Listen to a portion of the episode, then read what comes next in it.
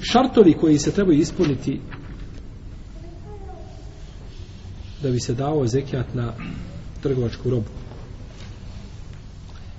Imamo znači određene uvjete koji se trebaju ispuniti da bi zekijat na trgovačku robu bio šta? Obavezan.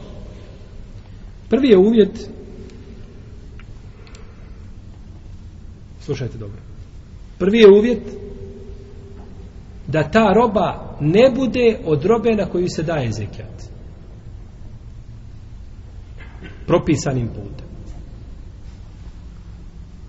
Ha, ste razumijeli? Da ne bude devet. Da ne budu devet. Zašto da ne budu devet? Zato što se na devet, na određen broj daje zekat na Dobro. I? Šta je problem? Pa, se da zekat. Znači da ne bi dva puta imali zekijat. Ako uzmemo deve, ili uzmemo ovce, ili uzmemo datule, na to se daje zekijat, nema razilaženja. U redu, to sam dao zekijat kada je izišao iz zemlje, odmah sam dao, znači toga dana za pšenicu sam dao ušur, dao sam 10%. I sada je prodajem, kaže još 10%. Je u redu? Pa ovdje neće ući, znači, pod trgovačku robu. Nego ulazi šta? Daje se ona, znači, osnova. Zato kažemo da ne bude, znači, u osnovi od, od onih, znači, od robe na koji se u osnovi daje šta? Zekijat.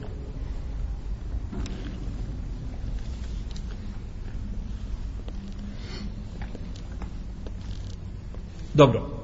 Ako se daje u osnovi zekijat, na šta se onda daje zekijat? Na trgovačku robu ili na osnovu? Na osnovu. Jeste, na osnovu. Ne daje se na trgovačku. Zato što je osnova jača. Jača je dokazom. Konsensus bez razilaženja. Nikakvog nema razilaženja, dok vamo imamo, znači, određena razilaženja. I da ima nisab, a nisab je 85 grama čega? Zlata. Ako ima koliko karata? 24. 97 ako ima 18 i 113 ako ima koliko? 21 i 18. Ja. Imamo znači 90, 97 ako je znači 24 90 uh, 85 ako je 24 97 ako je 21 imamo 113 ako je ako je 18 to je nisab da bude upotpunjen i drugo da pregodini taj imetak kod čovjeka. Dobro. Kako se gleda e, e, da je pregodnila roba kod čovjeka koji trguje sa njom? Imamo po ome pitanju tri mišljenja kod islamskih učenjaka. Imamo mišljenje da se gleda kraj godine.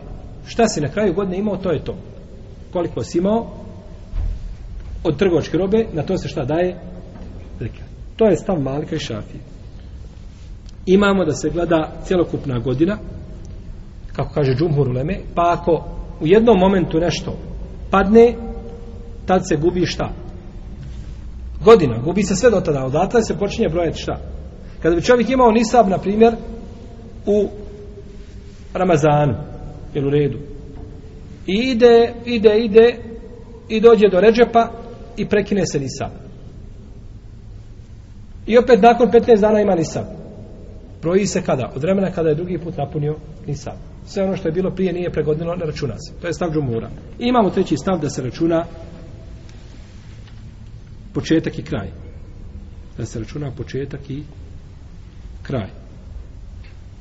U svakom slučaju to je razilaženje kod islamskih učenjaka. Jel? Razilaženje znači